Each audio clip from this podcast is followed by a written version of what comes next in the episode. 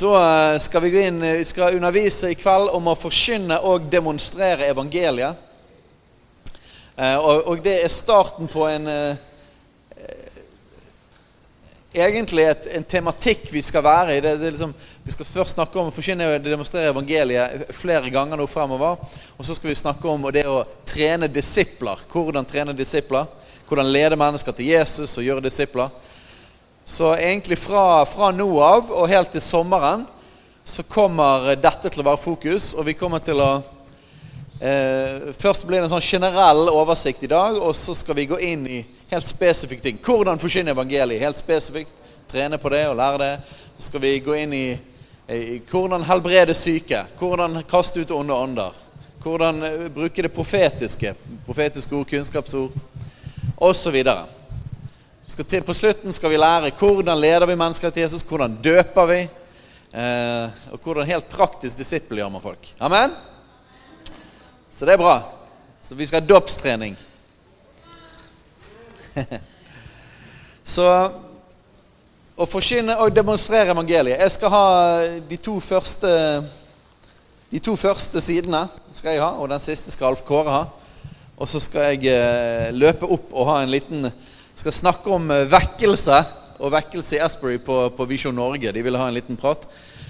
Og så eh, ville Kanal 10 ville at jeg skulle filme og liksom være inne fra direkte USA og, og Radio 316. Så, så, liksom folk er sultne etter vekkelse. da. Så bare fordi jeg har vært litt ute og skrevet litt om det, så jeg plutselig Plutselig vil jeg høre mer om vekkelse, og at jeg skal reise bort dit. Så det er jo veldig kjekt. da. Så Derfor stikker jeg opp etter de to første sidene.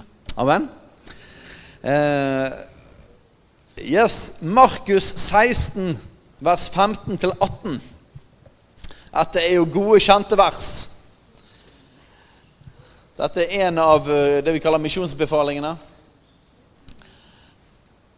Og han sa til dem, gå ut i all verden, forkynn evangeliet for all skapningen. Den som tror og blir døpt, skal bli frelst, og den som ikke tror, skal bli fordømt. Og disse tegn skal følge dem som tror. I mitt navn skal de drive ut onde ånder, de skal tale med nye tunge mål, de skal ta slanger i hendene, og om de drikker dødelig gift, skal det ikke skade dem. Og på syke skal de legge sine hender, og de skal bli helbredet. Yes. Så dette er jo egentlig, Det verset er egentlig en god oppsummering av hele pakken. Her ser vi både at vi skal forkynne evangeliet for all skapningen, og at det skal følge tegnet med. Så vi ser den koblingen mellom tegn og under og mirakler og forkynnelsen av evangeliet. Eh, og, eh, men la oss eh, først gå på dette med å forkynne evangeliet.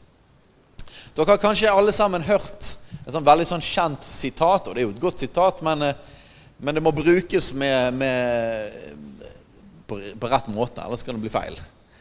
Og det er Forsyn evangeliet om nødvendig bruk ord'. Er det noen som har hørt om det? Forsyn evangeliet om nødvendig bruk ord.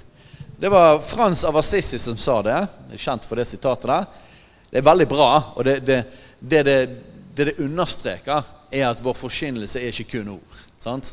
Men det, er, men det er liv og det er gjerninger. Frans av Assisi var kjent for å ta seg av de, de, de, fattige og de som sleit, og hjelpe dem. Han var også kjent for tegn og under eh, og, og, ting som fulgte. Sant? Så det er en demonstrasjon av evangeliet gjennom gode gjerninger og gjennom kraft.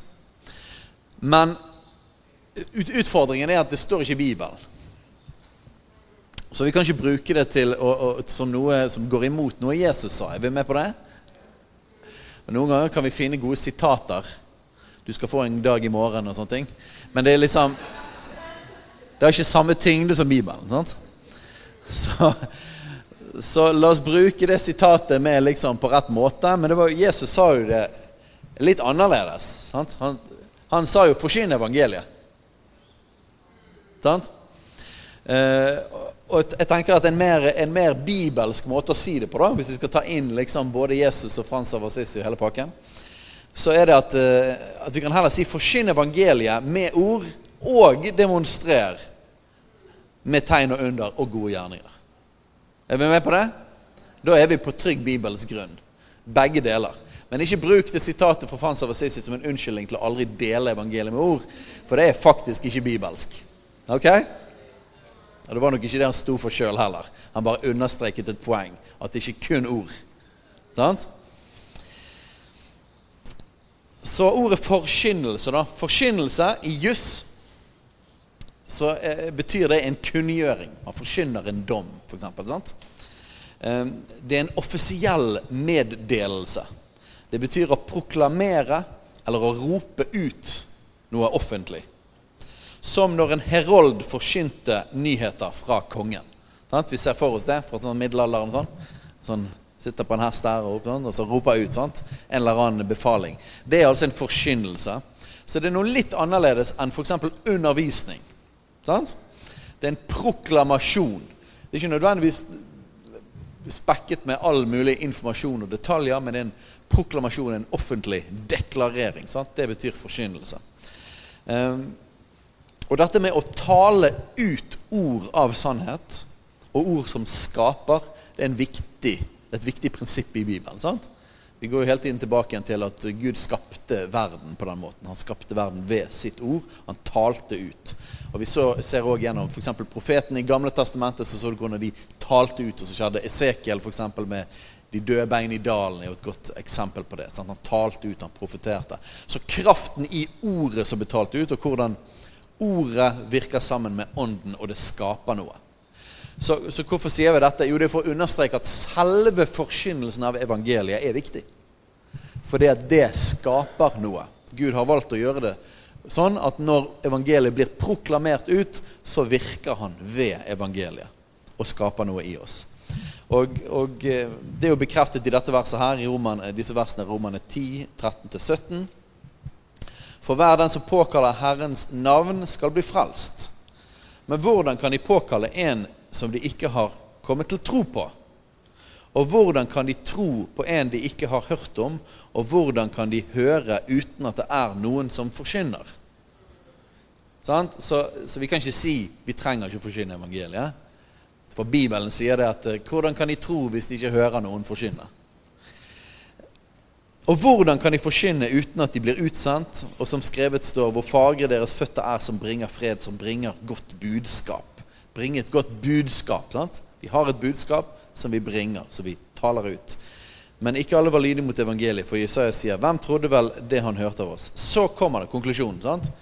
Forklarer hvordan dette virker. Så kommer da troen av forkynnelsen som en hører, og forkynnelsen som en hører, kommer ved Kristi ord. Så så lenge vi forkynner Kristi ord, Guds ord, og vi taler det ut gjennom munnen, og det betyr at det er volum, og det er sånn at andre kan høre det og forstå det, eh, når det blir talt ut, så skaper det noe.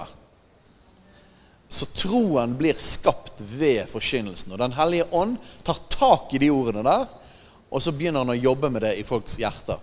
Jeg husker for en del år siden, etter vi med bibelskolen, som heter Veien bibelskole, eh, så hadde, hadde Gud vært veldig på oss på å, på å pionere dette her med å helbrede de syke og sånne ting ute på gaten og demonstrere evangeliet. Så vi hadde holdt på med det noen år. Det var fantastisk. Masse folk som, som ble helbredet og fikk forskjellige møter med Gud. Fikk oppleve Guds kraft. Um, og det var utrolig oppmuntrende. Og vi fikk òg dele evangeliet, vi fikk også dele Jesus. Men vi hadde størst fokus på denne demonstrasjonen, for det var liksom det Gud trykket på. Um, og det var det vi opplevde vi virkelig manglet, for de hadde sett så lite av, av den kraftdimensjonen. Og så holdt vi på med det i mange år. Men, men så begynte Den hellige ånd å, å, løfte opp dette med vi trenger å forkynne evangeliet. Ikke bare helbrede de syke. Um, forkynne evangeliet, og, og, og, forkynne evangeliet offentlig. Og Jeg husker når vi begynte med det, og det var jo veldig utfordrende. Selvfølgelig, Du kan dele, du kan forkynne evangeliet personlig. sant? Um, men denne, pro, denne proklamasjonen av evangeliet har egner seg best i det offentlige. Så du kan dele Jesus med en personlig, men du står ikke og roper evangeliet. Liksom, så det, så det fins en plass for, for, dette her, denne offentlige proklamasjonen. sant? Eh, og, så da begynte vi å gjøre det nede i sentrum her i Bergen. Og, og vi brukte den blå steinen ofte og sto oppå der og begynte å tale ut. Er det noen av dere som har vært med på det? De som går på bibelskolen? Ja, det er noen her som har vært med på det. Eh, Og det var en fascinerende ting, for dette begynte å lære om kraften i bare forkynnelsen. Altså at det er faktisk kraft i forkynnelsen av evangeliet. Eh, og man dør jo for seg sjøl når man bare stiller seg opp på den eh, blå steinen og begynner å rope ut evangeliet. Og når du står der, så er det ikke først og fremst veldig mange vakre ord, avanserte ting, eller det er ikke undervisning. Det er bare proklamasjon av navnet Jesus og det simple evangeliet, så kort som du bare kan si det. sant? Og du må rope det ut, for du har ikke noen mikrofon og sånn. sant? Eh, men jeg kunne merke altså Hver eneste gang Man var jo veldig ofte nervøs før man gikk opp på den steinen der. Men når man sto der og bare begynte å rope ut at, om Jesus og Jesus evangeliet om korset, så kunne man bare merke hvordan Den hellige ånd tok, tok, tak i det. altså. Jeg husker, Det var ingen ganger vi, vi forsynte evangeliet da du ikke merket at Guds ånd tok tak i det. Den hellige ånd likte det. Og om ikke folkene likte det de hørte, så likte Den hellige ånd det. Og du kunne merke det i åndsatmosfæren Sant? Over Torgallmenningen. Det er bare sånn her Oi! Dette og, og, det er ikke bare en forkynnelse for mennesker, men det er en proklamasjon for makter og myndigheter. Det er bare sånn at De liker ikke at Jesus og korset blir forkynt ut her. Så det er, en, det er en veldig kraft i det å forkynne evangeliet. Og Noen ganger var det til og med sånn at jeg tenkte at hvis du har en dårlig dag, da du bare går og forkynner evangeliet offentlig, blir du så fylt av glede og kraft. Eh, og du får en sånn frihet sant, fra menneskefrykt at, at, eh, at, eh, Ja. Det er utrolig kraftfullt med forkynnelse av evangeliet. Så, så, la oss ikke forsømme forkynnelsen av evangeliet, både selvfølgelig den personlige delen mer, men òg den offentlige proklamasjonen. Jeg skal love deg at Det handler ikke bare om at, at, Nei, jeg kan ikke gå for dypt inn i det. Det har ikke vi tid til. Men det, det, det er en misforståelse, og det er i alle fall ikke en bibelsk tanke, at, at målet er at så mange som mulig skal liksom synes du er kul. Sant? Ikke, bare les gjennom apostelens gjerninger. Det er, ikke et stort fokus. Eh, det, det er mange som syns du er en idiot. Og evangeliet er en anstøt. Og det å stå og rope ut noe, det er et anstøt. Men, men eh, Den hellige ånd likte det. Og, og, eh, og demonene likte det ikke. Og de som er sultne og de som går forbi Husker det var mange, mange har jo sånn propper i ørene. sant? Det var mange som gikk forbi, og så så du at de bare liksom tok ut én. Så bare gikk de videre. Og så fikk de inn noen ord av evangeliet med seg der. Ja. Og jeg vet det at, jeg husker jeg ba om det mange ganger vi sto der. bare det at, at nå, Det er en sånn profetisk handling at vi står og forkynner her. En gang så skal det komme, så skal folk bare løpe til her og bøye kne eh, for Jesus midt ute på gaten. Uh, halleluja. Så vi trenger å forsyne evangeliet. Ok, en, Vi skal gå mer dypt gjennom det seinere. Trene mer på det. Men jeg tar en sånn kjapp uh, en sånn her uh, fempunktsgreie. Det går an å forsyne evangeliet fra mange vinkler. Og, og, og, så Det er ikke en sånn Det må være akkurat likt. Det er visse ting som var med. Du bør forsyne Jesus. Sant? og du bør forsyne hans død og hans oppstandelse. Og, og, de tingene, det, det, det ser vi alle gangene i Apostelens gjerninger der evangeliet blir forkynt. Jeg har òg eh, til gode å se evangeliet altså i apostels gjerninger, der vi får se det i praksis. Jeg har til gode å se at evangeliet blir forkynt uten at det blir forkynt om at vi trenger å vende om. Så, så det, det, er liksom en ingrediens som vi veldig ofte utelater, men som er helt essensielt. Eh, så skal vi forkynne korset, så er det òg bra å forkynne hvorfor. Hvorfor døde Jesus på korset? Så her er en kjapp punkt med fem, fem punkter, og man kan bruke hånden som huskegreie her på det. Nummer én skapelsen. Altså Alle er skapt i Guds bilde til relasjon med Han. Han elsker oss og har en god plan med våre liv. Det er utgangspunktet. Gud elsker alle mennesker. Han har skapt oss til fellesskap med Han. Nummer to syndefallet. Med vår frie vilje valgte vi å gå vår egen vei og leve for oss sjøl. Dette er essensen av synd. Konsekvensen av dette valget er en evig fortapelse borte fra Gud.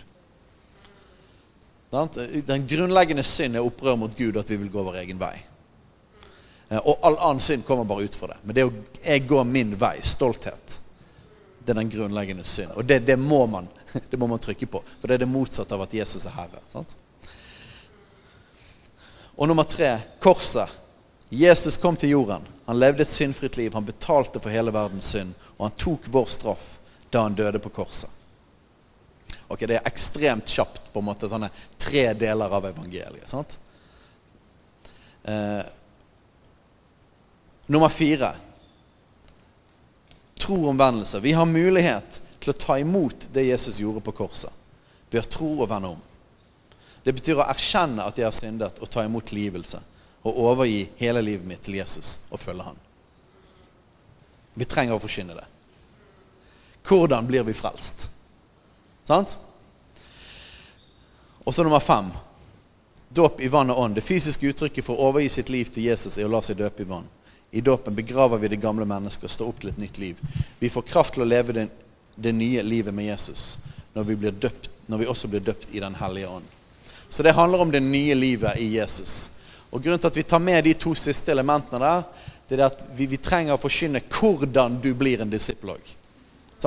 Ikke bare Selve kjernen i evangeliet er jo Jesus som døde for våre synder. Men vi trenger òg å forkynne hvordan blir du da en kristen. Hvordan blir du en disippel? Halleluja. Ok. Forkynnelse og demonstrasjon sammen. Modellen i Det nye testamentet er at forkynnelsen av evangeliet altså, og demonstrasjonen henger tett sammen. Så demonstrasjon er å vise. sant? Forkynne er altså å proklamere, demonstrere er å vise evangeliet. Med, i, på en eller annen måte vise evangeliet med kraft eller god gjerning. Tegn og under åpner både åp... Oi, der er det trykkfeil. Jeg sitter jo alltid på, på, på ettermiddagen og kvelden her, her, oppe på kontoret prøver å få dette ferdig. I dag var det ekstra dårlig tid, så da blir det to åpner. Under åpner, både åpner for evangeliet Dette ser vi bl.a. i Apostels gjerninger 3. Er du klar for en liten parentes der? Hva betyr det? Husker dere når Peter og Johannes eh, helbredet han her mannen, den lamme mannen utenfor tempelporten? Sant? Sølv eller gull har jeg ikke, men det jeg har, vil gi deg Jesus Kristus. Sant? Så står han opp, og så står det der, så begynte han å løpe rundt omkring, og så begynte det å samle seg folk. Sant? Så masse folk samlet seg, og så begynte Peter å forsyne evangeliet. Så det er et eksempel på hvordan et, et mirakel åpner for evangeliet. sant? dra oppmerksomhet til Jesus. Jeg har opplevd dette mange ganger. Spesielt det er gøy når man møter ungdomsgjenger. og så har man, eh, sant? Noen har så smerter eller en eller annen skade, eller et eller annet. Og så er det en eller annen da som bare Ja, ja, jeg har, liksom, har en skade i ryggen, eller whatever. sant? Og Så ber man for den personen, og så ser alle på, og alle tuller. liksom. Og så plutselig sant, så skifter ansiktsuttrykket seg til den personen. Og så veldig ofte Det står ikke i Bibelen om det, men det er min erfaring. De ofte begynner å banne hvis de blir helbredet. og så bare Seriøst? Er det vekke? Og så plutselig endrer hele atmosfæren seg. Og hele stemningen seg i gjengen. De bare Seriøst? Plutselig så er det overnaturlige trer inn. sant? Og da har du oppmerksomheten. Og da kan du dele om Jesus. Og sånn som Peter sa det, det er sånn, ikke, må ikke tro at det er vår egen kraft eller noe sånt som gjorde dette. Dette er Jesus. sant? Og så forkynner de Jesus. Så, så, det, så tegn og under åpner, demonstrasjon åpner for evangeliet. Men vi ser òg at det er en bekreftelse på det som blir forkynt. Og det står om i Markus 16 at de, de gikk overalt og forkynte evangeliet, og Gud eh, stadfestet det de hadde gjort gjennom tegn og under. Så da er det på en måte en bekreftelse på liksom, dette de har sagt her, det er ikke bare menneskeord, men dette er faktisk her er det noe guddommelig som er skjedd. Så, så demonstrasjonen er både liksom, det er noe som åpner, og det er noe som bekrefter evangeliets forkynnelse. Ja, det er Guds eget ord som blir forkynt. Ok, Lukas 4, 18.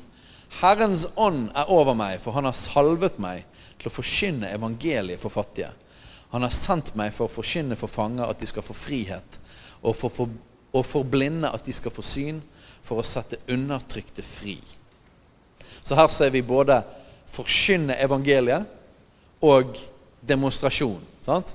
Så han er salvet både til å proklamere og han er salvet til å demonstrere. Ser dere det? Så begge deler. Um, og så er det jo masse eksempler på dette i Jesu liv, men her er det en fra Matteus 9, 35. Og Jesus dro omkring i alle byene og landsbyene. Han lærte i synagogene deres. Da ser du han lærte. Han underviser Andre steder står det han forkynte evangeliet om riket. Ja, det står faktisk her. lærte synagogene et forkynt evangeliet om riket, og han helbredet all sykdom og alle plager. Sant? Så han lærte og forkynte, proklamerte, og så helbredet han syke eh, og, og, plager og andre ting. Så helt fra starten så ser vi at Jesus gjorde det på denne måten. Han forkynte, helbredet, kastet ut demoner og gjorde tegn og under. Dette er Jesus-metoden. Ok? Sånn er det bare. Hvis dere har lyst til å finne en bibelsk metode for evangelieforkynnelse, så er det sånn Jesus gjorde det, og vi kan se hvordan det blir gjort videre. Så ja, sånn er det bare. Det fins masse andre fine metoder. De kan vi legge på som krydder. Men vi bør ha Jesus-metoden i bunnen.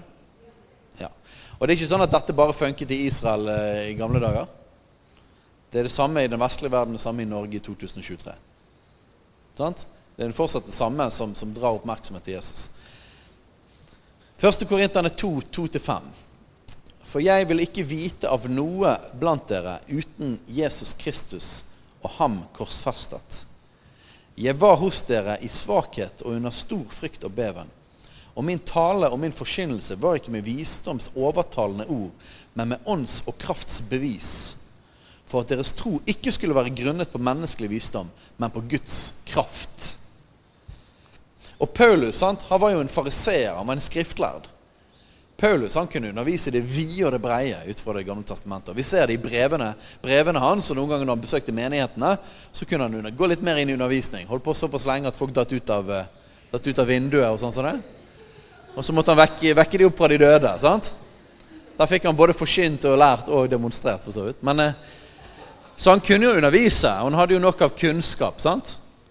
Men du ser at Paulus var veldig bevisst da når han delte evangeliet, at, at, det ikke var basert på hans, hans, enorme kunnskap, at han var så flink, men at det var ånds- og kraftsbevis.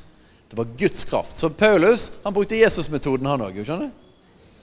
Ånds- og kraftsbevis sammen med en, en, en enkel forkynnelse av Jesus. Og Så kan man heller undervise seinere. Man kan ha sånn disippelskoler og sånne ting. Sånn og så kan man undervise Guds folk. Men til evangelieforkynnelsen så er det simpelt og greit og rett på sak. Og så er det demonstrert med tegn og under. Eh, så er vi Romerne 15, 18-20. For jeg vil ikke våge å tale om noe annet enn det som Kristus har utført gjennom meg, for å føre hedningene til lydighet ved ord og gjerning. Ser dere det? Ord og gjerning. Ved kraften i tegn og under. Ved åndens kraft. Slik har jeg fullt ut kunngjort Kristu, Kristi evangelium fra Jerusalem og like rundt om til Illyria. Men jeg har satt min ære i å forsyne evangeliet der hvor Kristi navn ikke før var nevnt, for at jeg ikke skulle bygge på en grunnvoll andre hadde lagt. Så vi kan si det sånn at Paulus regnet det ikke som å forkynne fullt ut evangeliet uten kraften i tegn og under. Så han sier her har han fullt ut forkynt evangeliet. Så både gjennom ord og gjerning. Ved kraften i tegn og under. Så vi må ha begge deler. Og sammen så er jo dette dynamitt, folkens. For jeg sa jo i begynnelsen at bare kraften i å forsyne evangeliet er jo enorm. Bare evangeliet i seg sjøl er Guds kraft til frelse. Evangeliet er Guds kraft til frelse. Og så når du i tillegg putter på tegn under og demonstrasjon, så blir det jo helt vanvittig kraftfullt. Sant? Så la oss forkynne evangeliet fullt ut. Med ord og med kraft. Og så er det et godt eksempel òg fra Philip i Samaria. Da står det jo utrolig direkte. da. Apostels gjerninger 8, 4-8. De som nå var blitt spredt, dro omkring og forkynte evangeliets ord. Philip kom da ned til en by i Samaria og forkynte Kristus for dem. Og det var bra. Han forkynte Kristus. sant? Så det skal vi gjøre. Vi skal forkynne Kristus. Forkynne navnet Jesus. De gav alle akt på det som ble sagt av Philip, da de hørte og så de tegnene han gjorde. Ikke det interessant?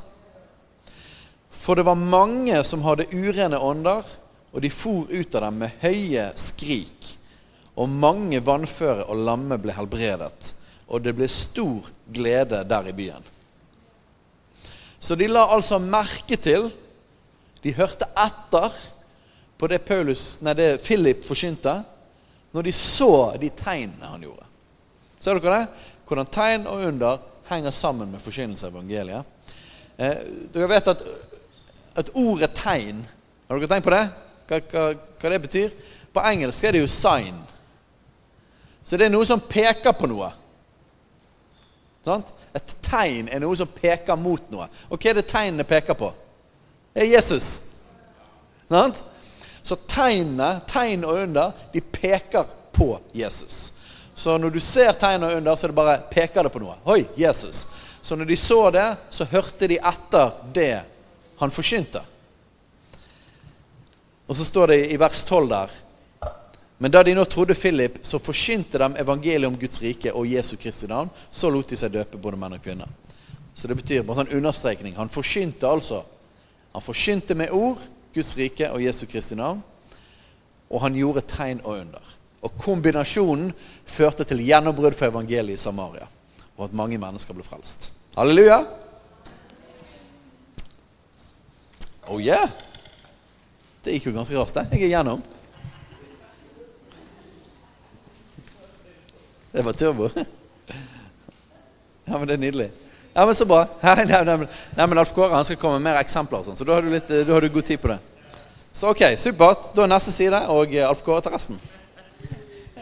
Det, er, det, det, det var turbo fra scenen her, for han skal forte seg opp. Han har en avtale oppe, så det er derfor vi deler det eh, opp på denne måten her i dag. da. men, men, det her er faktisk ganske imponerende. Det, det, er, det, det, er sjelden du er så på tida. Det er veldig sjelden. Er, når du skal forholde deg til Steinar, så må du ikke, bare, ikke, ikke tenke tid. Bare, du må tenke på andre måter når du skal forholde deg til Steinar. Eh, og hvis, Jo fortere du lærer deg det, jo, jo enklere blir den relasjonen. Ja, men Veldig bra. Nå har han, han lagt grunnlaget for når det gjelder det med å demonstrere evangeliet. Hvorfor skal vi demonstrere evangeliet? Eh, hvordan det henger sammen. At vi ikke kan skille det med å forkynne og demonstrere. Og når vi skal um, forkynne, det å vise til det vi snakker om, det henger helt sammen. Og ved å forkynne og ved å demonstrere så får folk en erfaring av det de hører. Og du, Vi alle vet at det er forskjell på å høre noe og erfare noe. Det vet vi. Det er forskjell på å høre om et menneske og møte det mennesket. Du husker bedre det møtet du hadde med det mennesket, enn det du hørte om det mennesket. Sånn er det. Så erfaringen er viktig. Og så har vi eh, tatt her noen, noen forskjellige måter å demonstrere evangeliet på. Og De fleste som står her, eh, skal vi faktisk gå gjennom eh, som egne kvelder på disippelskolen. Gå dypere inn i det skikkelig, sånn at alle skal bli utrusta til å demonstrere evangeliet på ulike måter. Derfor er det litt mer sånn overordna i dag. Vi går litt mer raskere gjennom det. Så tar vi dypdykk de neste disippelskolene. Da er det gå mer inn i å høre Guds stemme, profetiske ord, kunnskapsord. Vi skal gå mer inn i å helbrede syke, vi skal gå inn i å drive ut onde ånder, og vi skal gå mer inn i hvordan forkynner vi evangeliet, som Steinar uh, gikk gjennom. Disse fem punktene. Og Det er så utrolig nyttig å lære seg de punktene der. Jeg merker selv når jeg skal forkynne evangeliet til noen, når jeg har de punktene i hodet altså, uh, det, jeg forkynner evangeliet på litt ulik måte hver gang. Men fordi jeg tenker jeg må huske alle de fem punktene, så forkynner jeg hele evangeliet hver gang. Så kan det, sånn ulik, eh, det kan være litt sånn ulikt i uttrykk og form og hvordan jeg ordlegger meg og sånn hver gang. Men jeg får forkynt hele evangeliet ved at jeg husker på de punktene. Ok, Den mest vanlige måten å demonstrere evangeliet på i Nye testamentet er å helbrede de syke. Og bare ett eksempel Det finnes mange eksempler, det vet dere jo, eh, i Bibelen. Et eksempel er Lukas 9,6. De gikk så ut og dro fra by til by, og de forkynte evangeliet og helbredet folk overalt. Den er jo litt fin. Helbreda folk overalt. Og Vi har også flere vers der det står at alle ble helbreda. Um, okay, så, så helbreder folk overalt, og alle blir helbreda. Det er ganske fint. Den kan vi ta til oss. Altså Hvis vi kan ta til oss eh, andre bibelvers som løfter til oss, så må vi da kunne ta til oss det her som et løfte. Er, og, og, så har vi òg det at eh, vi ser at Jesus helbreder folk overalt. Vi ser at Jesus helbreder alle. Men vi ser òg når vi kommer over i apostlenes gjerninger, at de gikk rundt og helbreda folk overalt. Og så når vi går litt videre fra For du kan tenke at nei, det var bare Jesus. Men så ser du at eh, det var jo det apostlene òg. Du kan tenke nei, men det var bare apostlene. Men så ser du at nei, men det var jo andre folk også som begynte å gjøre det. Så det, sånn, det er vanskelig å komme unna. Altså. Det er vanskelig å komme opp med grunner til å ikke helbrede syke. Du skal slite veldig med å klare å argumentere for at det ikke skal være en del av en kristen sitt liv. Og så kan du tenke på alle, alle versene om at vi skal leve som Jesus og vi skal gjøre som Jesus. og Han er vårt eksempel. Vi skal følge han, han er vår mester.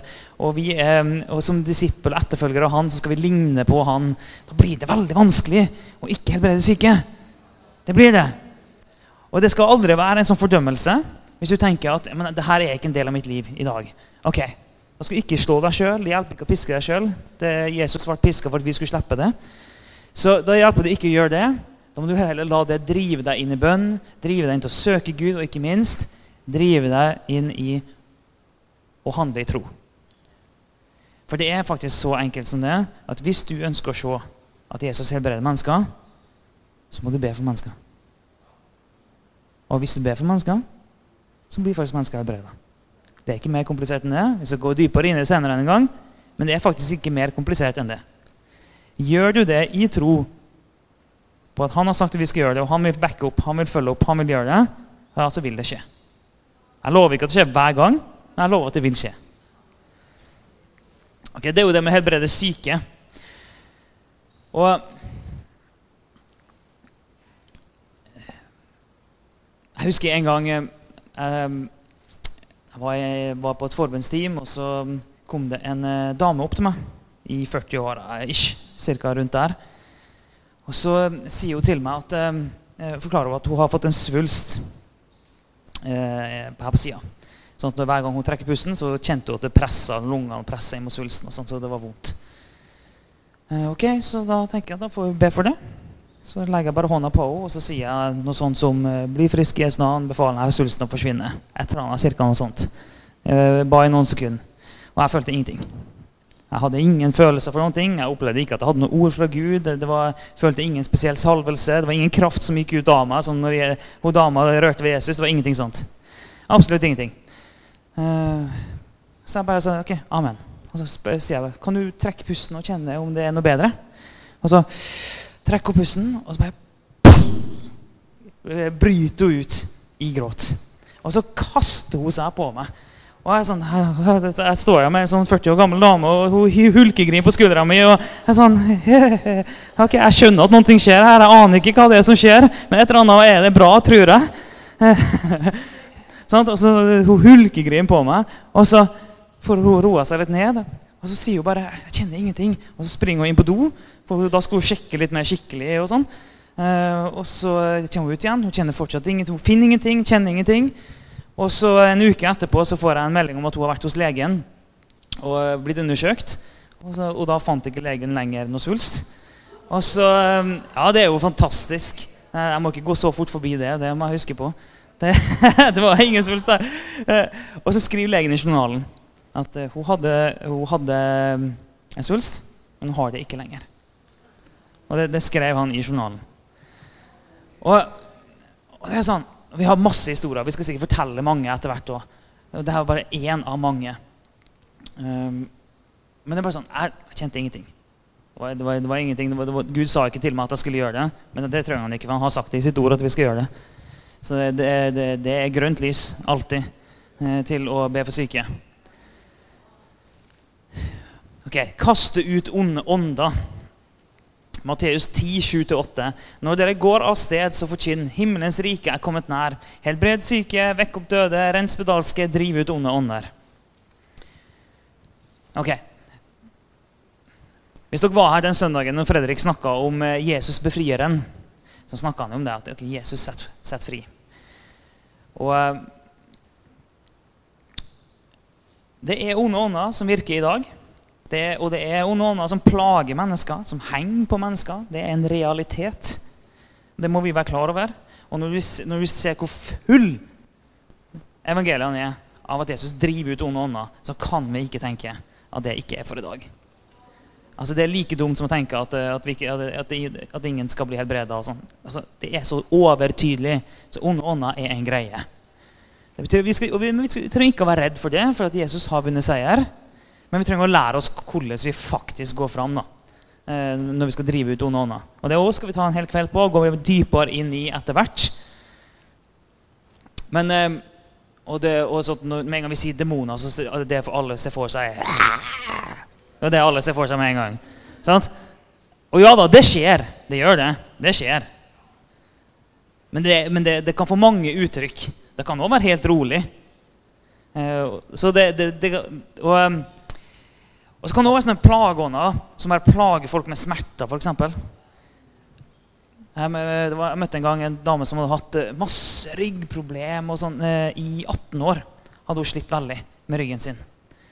Og vi driver og ber for henne. Uh, og, så, og mens vi ber for henne, så sier hun det at smerten flytter seg. Og da skjønte vi med en gang Å ja, ok. Ja. Eh, da skjønte vi at det her er jo ikke fysisk. Må, nå må vi skru om litt her. Eh, for med en gang en smerte begynner å flytte seg i kroppen, på den måten, så er det ofte et tegn på at oh ja, det er ikke noe fysisk galt med kroppen. det er noe annet som er galt her. Og da må, og da må vi Ok, Gud, hva, hva, er det som er greia her nå? Hva er, hva slags, hva er det som er inngangen til den plageånden? Det er det som er.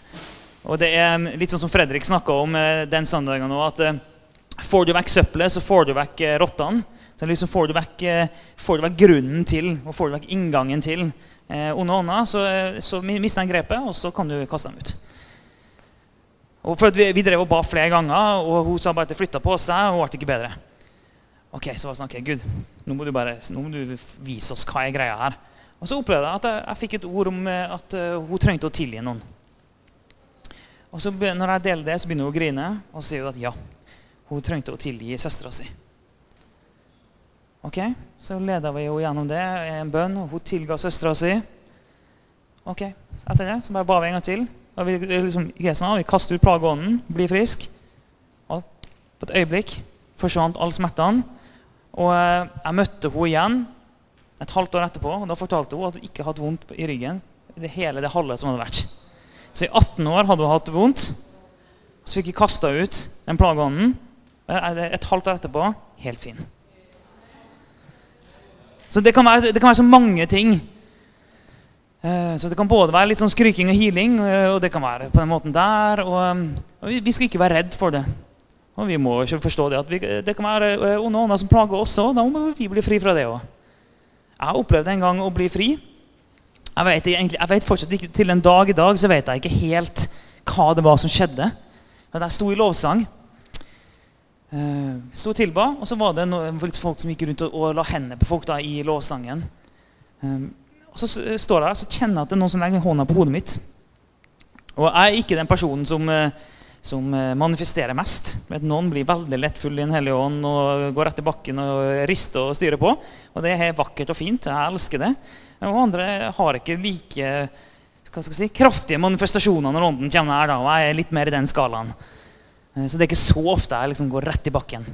Men den gangen når den hånda kom på hodet mitt, så bare sånn bang, gikk jeg rett ned på kne, og så rett ned på ansiktet. Og så, og så, og så lå jeg på gulvet der, og så kjente jeg at jeg måtte spy. Og jeg trodde helt oppriktig at jeg skulle spy, for det var sånn det føltes ut. Jeg kjente at det vrei seg i magen, og så kom det opp. Og det som kom ut, det var et brøl. Så lå jeg på, på, på sånn teppegulv så lå jeg og brølte. Eh, og så etter hvert så gikk jeg over i gråt. Så lå jeg der en god stund. da. Og til slutt, liksom, når hele greia hadde fått roa seg, så, liksom prøver, så, må jeg summe meg litt. Um, og reiser meg opp, og så ser jeg liksom på, på, teppet her ser jeg det en sånn uh, hva skal jeg si, flekk. Uh, vått, med tårer og spytt. Så teppet var liksom et ganske solid område der som var vått av uh, min uh, væske fra meg. Så var tyggisen min lå midt inni der. Det er skyld på Jesus. Det var ikke min feil. eh, men så bare reiste jeg meg opp og sånn, Hva var det der for noe? Jeg, jeg, til en dag i dag så vet jeg fortsatt ikke hva det var. Men det jeg vet, at, hva, det jeg vet er at jeg var fylt av fred etterpå. Jeg var fylt av fred etterpå. Så vi skal ikke være så redd for det kunnskapsord og profetiske ord.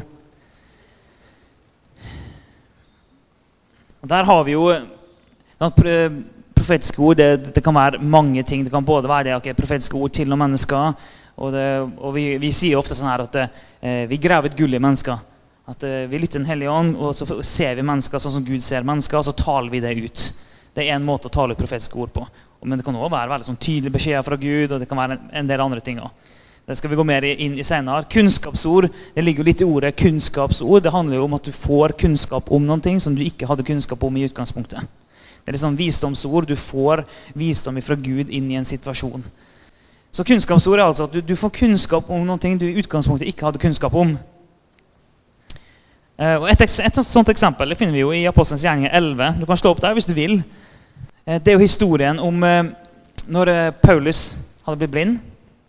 Og så er det, står det at det er en disippel som heter Ananias. Og Så sier Gud til han eh, stå opp Kanskje jeg må slå det opp eh, for å få det helt eh, riktig. Skal vi se her Postens gjerninger 11. La meg slå opp.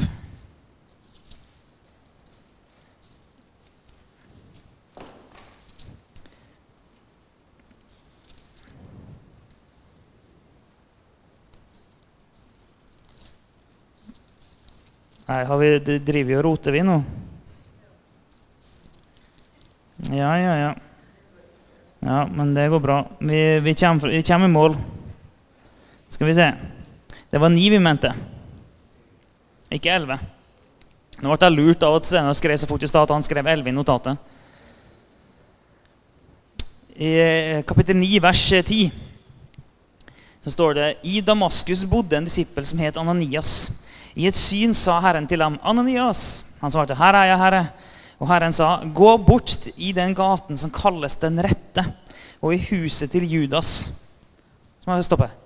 Gå bort til den gaten som kalles Den rette, og i huset til Judas. Det er som om han skulle sagt gatenavn og nummer. Det er jo det. Her sier han gatenavn og nummer. Informasjon som Ananias ikke hadde i utgangspunktet. Gå til det, den gata, til det nummeret. Der er det en person som du skal be for. Og ikke bare det. Han, øh, han sier jo mer om at øh, I vers 15 Men Herren sa til ham, gå, for jeg har utvalgt ham som mitt redskap til å bære mitt navn fram for hedningfolk og konger og for Israels folk. Og jeg skal vise ham alt han må lide for mitt navns skyld. Og Det er jo profetisk ord over livet hans.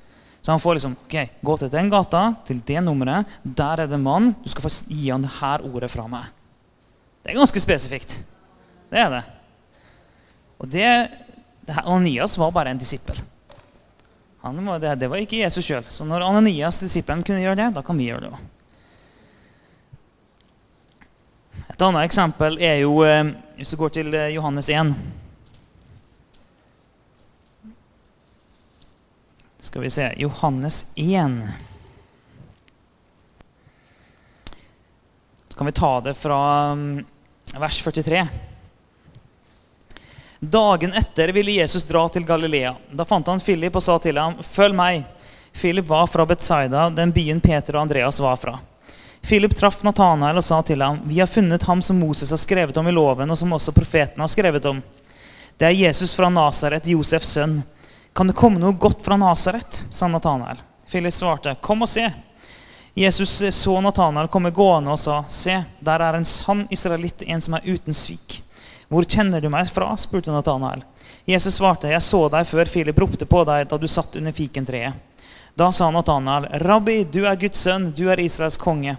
Tror du fordi jeg sa at jeg så deg under fikentreet, sa Jesus, du skal få se større ting enn dette. Ok, Så situasjonen er da Så Philip kommer til Nathanael sier vi har funnet han som Moses har snakka om. altså vi har funnet Messias. Eh, og eh, det er Jesus fra Nasaret. Og Nathanael var sånn Kan det komme noe godt fra Nasaret? Så merka han det ganske negativt innstilt med en gang. Kan det komme noe godt fra Nasaret? Og han har ikke noe tro på at Messias har kommet. Men husker her at Det er helt sånn integrert i en jødes tilværelse det at han venter på Messias. Så det at noen kommer og sier 'Å, jeg har funnet Messias', det er sånn det var mange som kunne si det. Det hadde vært mange før som hadde påstått at de, at de var Jesus òg. Så det var nok ikke helt nytt at det, noen kom og sa det. Så bare sånn Å ja, enda jeg nå. Og til og med fra Nasaret. No way! Ok. Eh, og så er det jo nydelig da når Philip sier 'kom og se'. Sant? Ja, ja, du trenger ikke å ta meg på forordet. Kom og få en erfaring sjøl. Og så kommer han til Jesus, og så står det Jesus så Nathanael komme gående og sa, 'Se, der er en sann israelitt, en som er uten svik.' Da ser vi Jesus ser Nathanael, så ser han forbi det ytre. Han ser forbi skepsisen. Han ser hvem Nathanael egentlig er. Nathanael er skeptisk. Men Jesus ser gjennom alt sammen og sier, 'Se, der er en sann israelitt.' En som det ikke er svik i. Han ser rett gjennom inntil hvem han er, inntil hans karakter, inntil hans person. Der er en sann israelitt. Så Jesus ser rett inn på han. Og sånn kan vi òg se mennesker. Og så Når han sier det, da, så sier Nathanael, 'Hvor kjenner du meg fra?' Så når jeg leser det, det jeg da ser for meg, at Nathanael han, han, han gjenkjenner det. Han kjenner til det treffer. Sånn, han var skeptisk. Sånn, 'Hvor kjenner du meg fra?' Og Det kan han jo bare si hvis du faktisk sier noe riktig. Derfor sier, derfor sier han 'Hvor kjenner du meg fra?' Det du sier, er jo riktig. Um, og Så sier Jesus 'Jeg så deg før Philip ropte på deg da du satt under fikentreet'. Hva, hva, han satt og tenkte på når han satt under fikentreet, det aner vi jo ikke. Det får vi aldri vite. Det er Om han satt der og ba til Gud, eller hva han gjorde, vi aner ikke. Et eller annet gjorde han under det fikentreet som gjorde at Jesus sa 'Jeg så deg under fikentreet'. Eh, så når han sa det, så sier Nathanael 'Rabbi, du er Guds sønn! Du er Israels konge!' Og Det er sånn, det er sånn voldsom forandring. Du går ifra å være kjempeskeptisk og til å tenke det kan ikke komme noe godt fra Nasaret, og så sier han Eh, positive ting om han. eller det Han gjør, han, han kommer med et profetisk ord og taler ut hvem han egentlig er. det er det Jesus gjør. Og så kommer han med et kunnskapsord. Han vil si noe om noe som har skjedd, som han umulig kunne vite. De to tingene gjør at han var plutselig Rabbi, du er Guds sønn! Du er Israels konge! Og så er det litt morsomt at Jesus svarer Tror du fordi jeg sa at jeg så deg under fikentreet? Du skal få se større ting enn det her. Eller, ja, ja. Men det er et sånt eksempel. Og jeg hadde en opplevelse en gang der jeg Det er kanskje et av de tydeligste kunnskapsordene jeg har fått i mitt liv. Sto og snakka med en ungdomsgjeng, og så um, var det en jente der. Og, og mens jeg driver og snakker med dem, og snakker litt med henne, så bare ser jeg et bilde foran meg. Og Av og til når vi får bilder fra Gud, så blir de veldig tydelige. Og, og det opplevdes sånn at det var, jeg så det kjempeklart. Og I begynnelsen så var det sånn prøvde nesten å få det vekk. For jeg driver og snakker med, og for, det, for det som var så rart, var at det, jeg så, at jeg så et soverom. Sånn, ja, jeg prøver å snakke om Jesus til en jente her. Hvorfor ser jeg bare et soverom?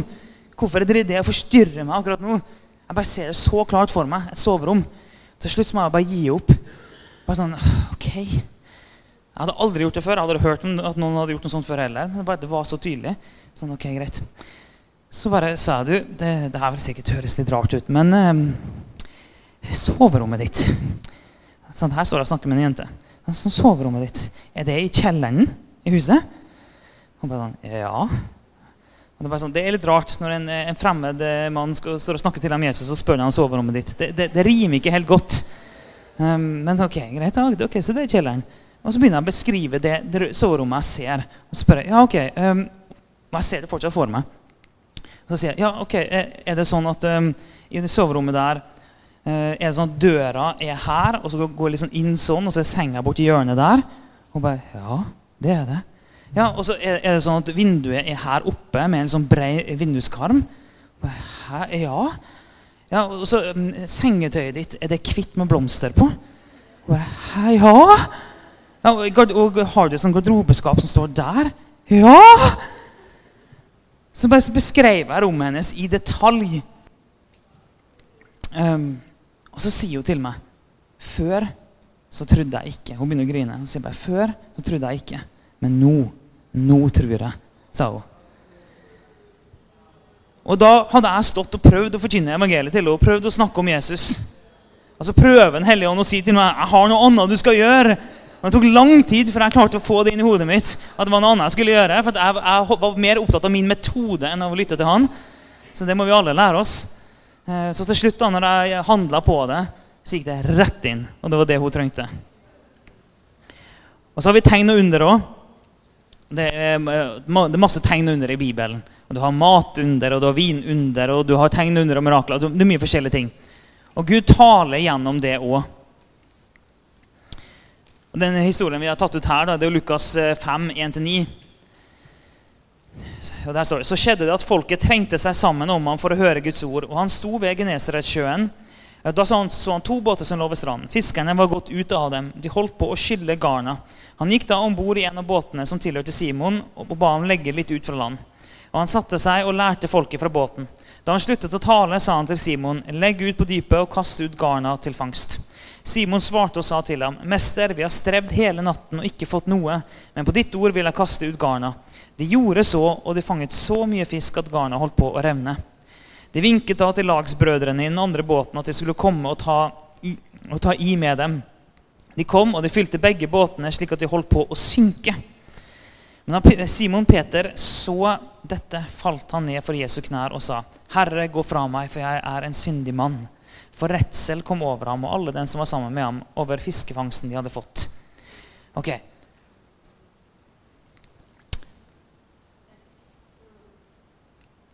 Her, altså, vi, må, bare forstå situasjonen. Her er noen fiskere. Noen som virkelig kan yrket sitt. Så har de ikke fått fisk. De kan det her mye bedre enn Jesus. Og så kommer altså, um, og så sier Jesus bare ja, men legg ut noe på dypet, kast ut garnet til fangst. Ok, men, og så sier Peter eh, vi har strevd hele natten og ikke fått noe, men på ditt ord så vil jeg kaste ut garna.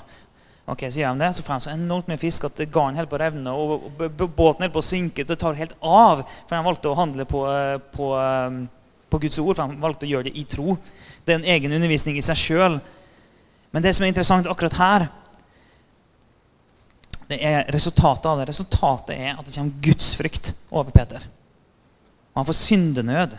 Han sier, 'Herre, gå bort ifra meg.' Han skjønner at han er en syndig mann. Bare sånn, 'Herre, gå bort ifra meg, for jeg er en syndig mann.' Det han så, det var så heftig for han. Bare sånn, gå bort, bare sånn, ah, det her er... Og det er en sånn reaksjon som en kan få. Sånn, ok, Gud er på ferde. Gud er stor. Det kan være mange ting. Men, eh, men av og til så gjør Gud uforklarlige ting. Og I Bibelen så er det mange eksempler og mange historier der, der, han gir ulike typer tegn. Og Jeg opplevde en gang eh, at jeg sto og snakka med en guttegjeng. Og så um, står eh, De har vært på McDonald's. Så de har hatt med seg milkshake og sånn ut. Og Så står han ene gutten der med en sånn milkshake, og så sier han det at mens jeg driver og snakker om Jesus, så sier at Jesus kan helbrede, og bla, bla. Så prøver å forklare det der.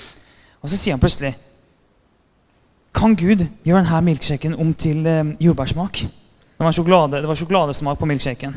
Kan Gud gjøre det til jordbærsmak? For da hadde jeg satt der og påstått at Gud kan gjøre alt. Ingenting er umulig for han. Eh, så når jeg da hadde sagt det, han spurte meg om det, så hadde, da satt jo jeg i en liksom kinkig situasjon. Jeg kunne jo prøvd å komme meg ut av det. Bare sånn, ja, han kan det, men det fokuserer ikke på noe. Sånn, ja, men jeg hadde jo sagt at Gud kan gjøre alt. Så da måtte jeg jo bare gjøre det. da. Eh, så da tok jeg milkshaken og sa ja, det, ja, det kan han. sa jeg. Og så tok jeg milkshaken og så holdt han hånda mi så sa jeg, bli jordbærsmak i Jesu navn. Så ga han tilbake til han. Og Så tar han milkshaken og så, og så bare Det smaker jordbær! Og så gir han den til kompisen som står ved siden av. Og så, og så drikker han. Bare, det smaker jordbær! Og så gir han den til en, en tredje kompis som står ved siden av. Og han også drikker. Sånn, det smaker jordbær! Og så gir han tilbake til meg, og da blir han gira. Sant? Da blir han sånn her Kan Gud ta det tilbake igjen til sjokoladesmak? Og, og, da hadde jo jeg fått tro. Sant? Jeg hadde ikke tro i utgangspunktet, men da hadde jeg fått masse tro. Eh, så da var det sånn Ja, ja, ja, det kan han. Da tok han igjen seg. Yes, han blir sjokoladesmak. Og så ga han tilbake til han. Og så drikker han første fyren. Det smaker sjokolade! Og så gir han til den andre fyren. Det smaker sjokolade! Og så til tredje fyren. Det smaker sjokolade! Eh, ja, ja.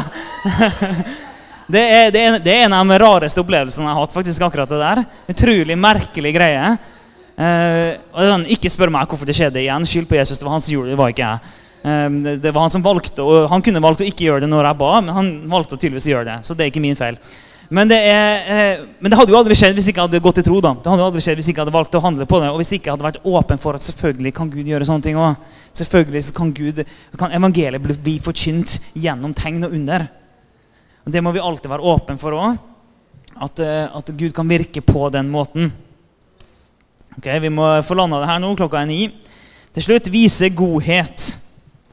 I 1. Peter 2,15 så står det For det er Guds vilje at dere ved å gjøre det gode skal stoppe munnen på uforstandige og tankeløse mennesker. For Gud sier at dere ved å gjøre det gode skal stoppe munnen på uforstandige og tankeløse mennesker. Og Bibelen er jo full av det her med at vi skal elske mennesker, vi skal elske våre fiender, og vi skal legge ned vårt liv, og vi skal møte dem eh, sønderbrutte og de fattige og de utstøtte. Så Bibelen er jo full av det at vi skal elske. Det vet vi veldig godt. Men det med å vise godhet det kan smelte hjertene til folk. Når de opplever godhet. Og jeg er helt sikker på at her inne er det mange som har vært borti det at du viser godhet mot noen, og så er det, noen som blir så berørt av det. Og sånn, Men hvorfor er du sånn? Hvorfor er du sånn? Folk er ikke sånn. Så hvorfor gjør du sånn? Hvorfor elsker du meg? Eller hvorfor er du så god? Hvorfor er du sånn? Det er noe annerledes med deg. Jeg er helt sikker på at her er mange som har fått høre akkurat det. Og vi vet det at godhet smelter hjertet. Det gjør det. Og um,